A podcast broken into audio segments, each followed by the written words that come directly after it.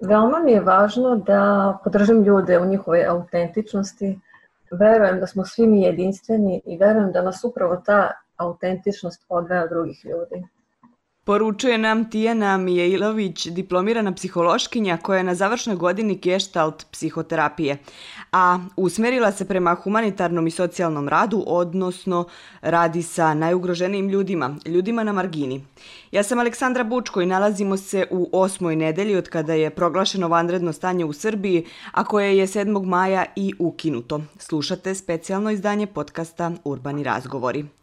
Iako je vanredno stanje u Srbiji ukinuto, posledice situacije u kojoj se našao ceo svet ostaju u većoj ili manjoj meri. Od anksioznosti, slučajeva nasilja u porodici do drugih zdravstvenih problema zbog nelečenih bolesti za vreme epidemije.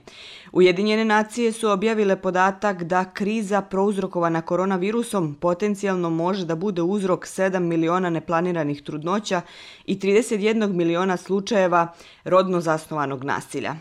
U podcastu Urbani razgovori u specijalnim izdanjima u maju pričamo o raznim pojavama na koje je uticala kriza epidemije COVID-19 u većoj ili u manjoj meri. Danas ćemo pričati o jednoj pojavi, a to su snovi. Mnoge osobe su za vreme krize doživele živopisne snove, a mnogi su sanjali veoma slične stvari.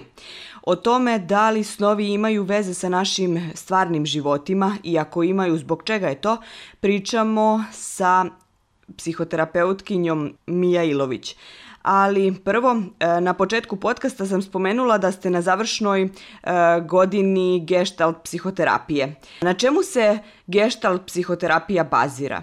Gestalt terapija je iskustvena terapija. Umesto pukog analiziranja prošlih događaja i traženja uzroka problema u njima, ona je usmerena na ovde i sada i kako celokupna naša istorija iskustava danas utiče na naše ponašanje i život. Cilj nam je da klijent postane svestan kako nešto radi i isproba nove oblike ponašanja. Naglašava ličnu odgovornost i slobodu izbora. Osoba je aktivni učesnik svog života i uvek ima mogućnost i izbor da načini promenu.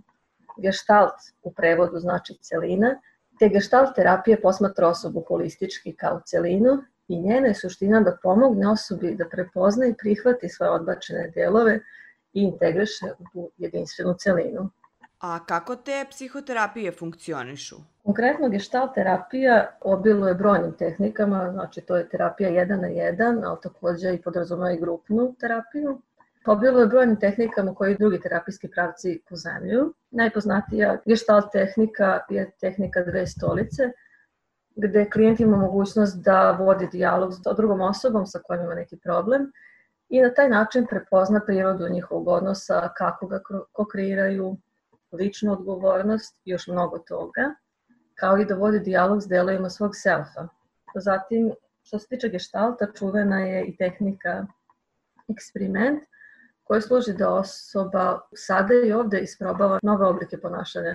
Ne dajemo klijentima zadatke, nego sada i ovde u stvari dajemo im mogućnost da odmah isprobaju neke nove oblike ponašanja koje će im doneti više zadovoljstva i više punine u životu. A pre svega ovoga u gestalt terapiji najvažniji je odnos klijenta i terapeuta.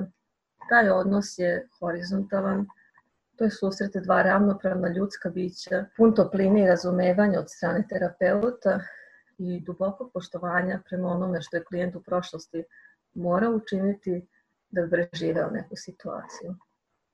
Znači, mi ne osuđujemo, prihvatamo klijenta onakav kakav jeste i paradoksalno upravo to dovešće klijenta u situaciju da je motivisan na promene. Sada smo imali jednu specifičnu situaciju e, zbog e, krize izazvane epidemijom e, virusa korona, ali kako generalno ljudi po vašem iskustvu, kakav odnos imaju sa psihoterapijom? A ja svakako vidim da se menja. Naročito mi e, neku nadu budi ove besplatne akcije, razne promocije koje približavaju definiciju i značaj psihoterapije. Svakako vidim promenu i e, bolje razumevanje ljudi u Srbiji šta je zapravo psihoterapija. I da to nije samo gledanje u bolest, nego i prilika da se razvijamo i da imamo jedan puni i kvalitetniji život.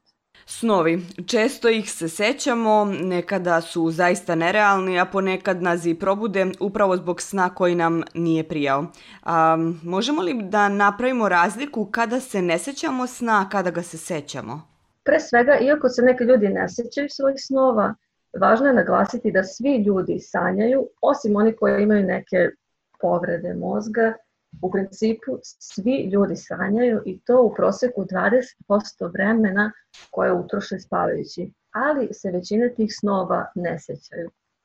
Izgleda da je potrebno da se barem na tren probudimo da bismo san upamtili.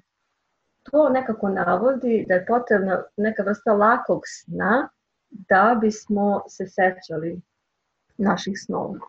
Znači moramo se probuditi nakon sna da bi taj san iz kratkoročne memorije prešao u dugoročnu, odnosno da bismo upamtili san. 95% snova zaboravimo. Znači ljudi koji se češće bude i pamte svoje snove, možemo tako reći. Polje snova je jedno nedovoljno istraženo polje, ali ovo je ono što znamo.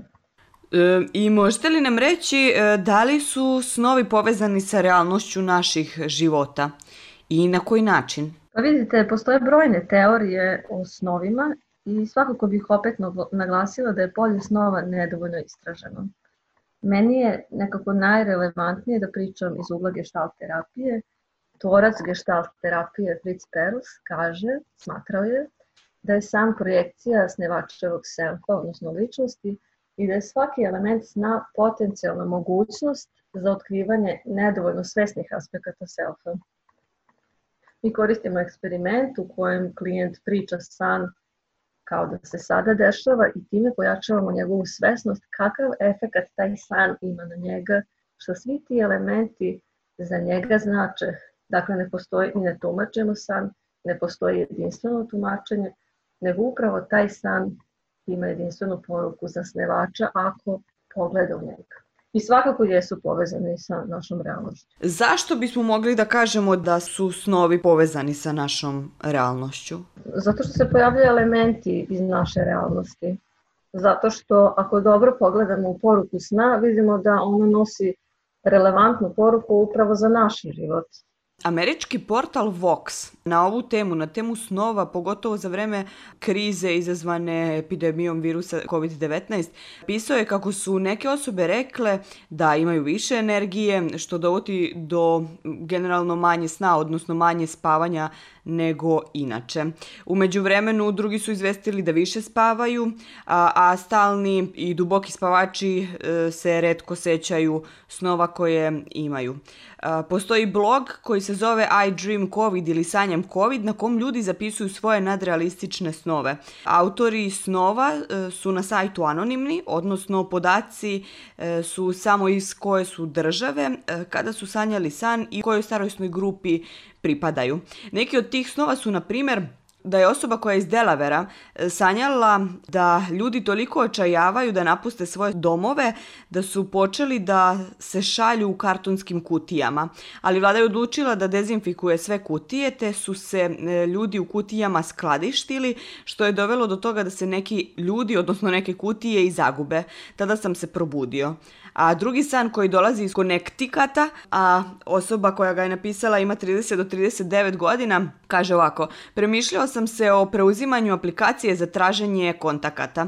Oklevao sam zato što trenutno ne izlazim iz kuće i nisam hteo da zauzmem nepotrebni prostor na svom telefonu. Preuzeo sam aplikaciju i odjednom sam mogao videti sve ljude preko telefona koje nisam mogao da vidim samim očima. Ljudi su bili zeleni ili crveni, crveni ljudi nisu bili sigurni da se im bude u blizini. Morao sam hodati okolo, podižući telefon da se slučajno ne bih približio crvenoj osobi. Da li stres oko krize sa koronavirusom objašnjava naše snove? Da, da, svakako ono što prolazimo u svakodnevnim situacijama ulazi u naš san. Mi vidimo kroz ovaj primer da osoba sanja ono što je se dešava u ovoj vanrednoj situaciji dezinfekcija, nemogućnost da priđe ljudima, ljudi su potencijalno opasni. Znači, on u svom snu obrađuje svoju svakodnevnicu koja je u ovoj situaciji drugačije. Postoje brojne teorije o tome koja je funkcija sna i nijedno ne možemo izneti sa 100% tačnosti. Prema gestalt terapiji san je projekcija našeg selfa i e, obično se kroz san pojavljuje neki naš ocepljeni deo. Postoje brojne teorije, jedna od tih je da se e, kroz san učvršće sećanje na naše iskustvo, Neke od njih govore o tome da kroz san valorizujemo funkciju preživljavanja, seksualnost i agresivnost.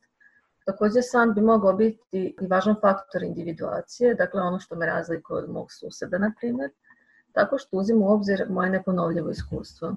Sve u svemu, mi svakako, kada sve ovo uzmemo u obzir, kroz san obrađujemo naše dnevno iskustvo i težimo da, odnosno naše nesvesno teži da kroz san prodre u svesno i da nam e, da neku poruku o nekim sadržajima koje treba još da obradimo. Ja sam naročito naglasila da što se tiče korone iskustva, da ako smo imali neka slična iskustva, naglo zatvaranja, neka traumatsko iskustva, tek pa tada naš nesvesno ima posla da sve to upakuje u jednu poruku i da nas pozove da sve to integrišemo sada. I da i na kraju, kada integrišemo, dođemo do jednog ispunjenijeg kvalitetnog života, funkcionalnog pre svega.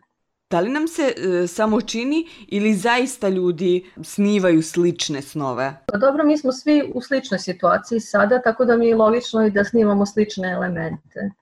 Ali svakako verujem u jedinstvenost ljudskog bića i jedinstvenost njegovog iskustva, pa samim tim i sna i poruke tog sna. Ali mi je vrlo logično da sanjamo slične elemente jer smo svi sada planetarno bili i jesmo u sličnom iskustvu, istom. Pa se to i odražava i na san. Ukoliko su živopisni snovi, e, često se probudimo sa, na primjer, željom da prisustujemo određenom događaju koji smo sanjali, da isprobamo neku akciju iz sna ili se na drugu stranu probudimo sa nelagodom ili e, sa strahom. Zašto se ti živopisni snovi dešavaju? I zašto u stvari posle proizvode takvo osjećanje kod nas?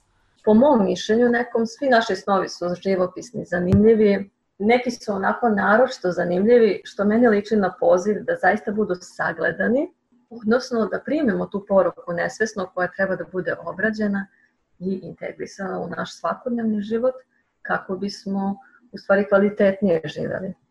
Svi naši snovi su po meni jedno umetničko delo, oslobođeni svih zakonitosti koji postoje na javi, U snu mi možemo leteti, možemo pričati sa pticama. Ono što ne možemo u realnosti, ne postoji neko jedinstveno tumačenje, nego su ti simboli i metafore neka jedinstvena priča baš za tog snevača. Mi imamo taj neki eksperiment gde pričamo san kao da je film koji se sad odvija i onda se klijent potpuno srodi sa tim delovima i osetiš kako to značenje ima baš za njega. Znači nema ono ptica je ptica, pa ptica znači to. Ne, ptica je u njegov san došla da predstavi slobodu. U nečijem drugom snu ptica je ne znam šta.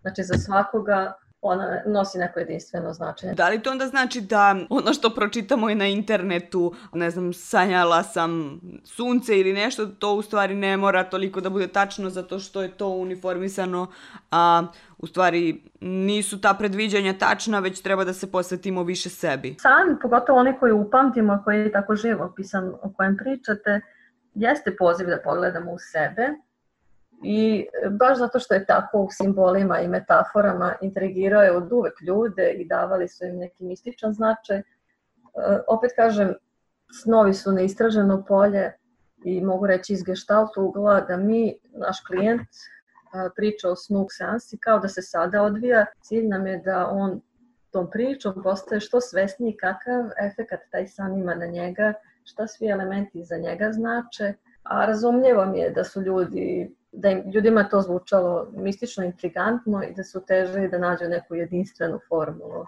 i značenje za san. Jako je duga ta tradicija, mislim, meni je to razumljivo, neko ko uopšte ni psiholog, ni se time bavio, stvarno to deluje onako mistično, proročki, šta je sad ovo, ali kad malo uđeš, pa i ta istraživanja opet nisu 100% tačna, vidiš da ipak to ima veze, da to je jedna projekcija. Da li postoji način da uticaj tih neprijatnih snova umanjimo? Pa da, svakako da naš balansiran i jedan zdrav život uticat će i na zdrav i miran san, poput nekog ugledala. Znači mi treba da se staramo o tome da živimo izbalansirano i zdravo i da budemo odgovorni prema sebi i da ukoliko bilo kakav disbalans, pa na primjer u spavanju osetimo, da potražimo pomoć, da potražimo podršku, da težimo tom jednom izbalansiranom životu. I svakako da je san prikaz toga kako mi i živimo. I svakako da će kroz san stizati nekakve poruke, ja bih rekla dobronamerne, kako da unapredimo svoj život ukoliko taj život nije dovoljno ispunjen i postoje neke stvari, mi bi rekli u geštaltu nedovršeni poslovi kojima treba da se pozabavimo. Dakle, mi u geštaltu ništa ne posmatramo kao problem, sve informacije, sve je prilika da širimo svesnost, da spoznajemo sebe i da kada spoznamo sebe i prihvatimo pre svega sebe takvi kakvi jesmo, da onda na kraju kao rezultat dobijemo više nekih alata za svakodnevno funkcionisanje. Znači, san je samo jedan od načina kako naše nesvesno komunicira sa nama. Verujem da sve te funkcije psihološke, pa i san, su blagonaklone prema nama, imaju jednu funkciju preživljavanja i poziva za dalji rast i razvoj. Da li treba da se stidimo naših snova? Mislim da, da bismo postigli autentičnost i prihvatanje sebe, to podrazumeva prihvatanje svega onog što smo mi, pa i našeg sna. E, ne treba da se stidimo i ukoliko nam bilo šta predstavlja problem, treba da potražimo pomoć. Ali u svakom slučaju, mislim da i kroz ovo moje izlaganje da je bilo jasno da je san neki dodatni podržavajući mehanizam našeg mudrog tela, našeg mudrog organizma, da se ucelimo, da imamo jedan potpuni organizam. Mislim da samo treba da slušamo sebe, da pratimo sebe i svoje potrebe, pa i san je neki način se trudi da nam poruči šta su to u stvari naše potrebe, koje možda u realnosti ne vidimo. Hvala vam. Ja sam Aleksandra Bučko, a vi ste slušali specijalno izdanje podcasta Urbani razgovori, nastalo u osmoj nedelji od proglašenja vanrednog stanja u Srbiji zbog epidemije, koje je u ovoj nedelji i završeno. E, podcast Urbani razgovor je dostupan u sklopu medijskih sadržaja Fabrike kreativnosti na platformama Mixcloud, Anhor i e, Google Podcasts i na YouTube-u. Slušajte i dalje o važnim temama jedan na jedan. Hvala vam. Ja sam Aleksandra Bučko, a vi ste slušali specijalno izdanje podcasta Urbani, na, ra, Urbani razgovori, nastalo u osmoj nedelji od proglašenja vanrednog stanja u Srbiji zbog epidemije, koje je a to vanred, koja, to, a to, koje je u ovoj nedelji i završeno. Podcast Urbani razgovor je dostupan u sklopu medijskih sadržaja Fabrike kreativnosti na platformama Mixcloud, Anhor i e, Google Podcasts i na YouTube-u. Slušajte i dalje o važnim temama jedan na jedan.